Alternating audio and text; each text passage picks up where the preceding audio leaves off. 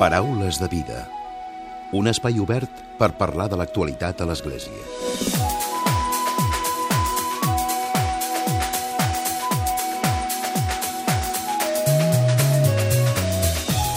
Què tal? Salutacions i molt bon dia, molt bon diumenge. Avui us volem parlar de les PAS, les persones altament sensibles. I és que en Rafael Pardo ens dona claus psicològiques i també espirituals a través d'un llibre per conèixer i per entendre com són aquestes persones que en moltes ocasions ens passen desapercebudes a la nostra societat.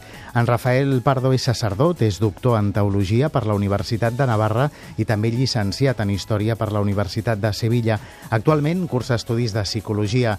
Al seu llibre, Rafael Pardó ens explica que les persones altament sensibles processen de manera profunda tota la informació que reben a través dels sentits. Podríem dir que són persones especials, persones que no perden de vista res del que passa pels seus ulls.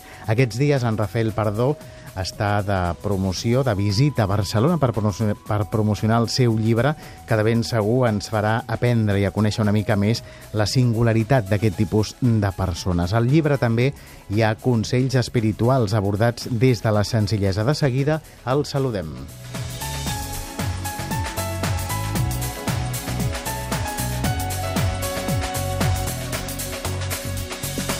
I com sempre, a la recta final del Paraules arribarà un nou comentari de l'actualitat de Francesc Romeu. Comencem.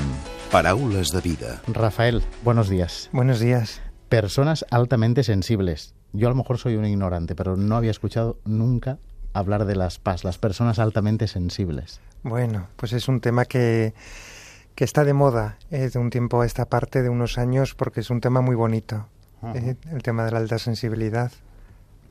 Personas altamente sensibles, como ahora, para, para empezar, ¿quiénes son las personas altamente sensibles? Podemos más o menos intuir, pero ¿cómo, cómo se caracteriza una persona altamente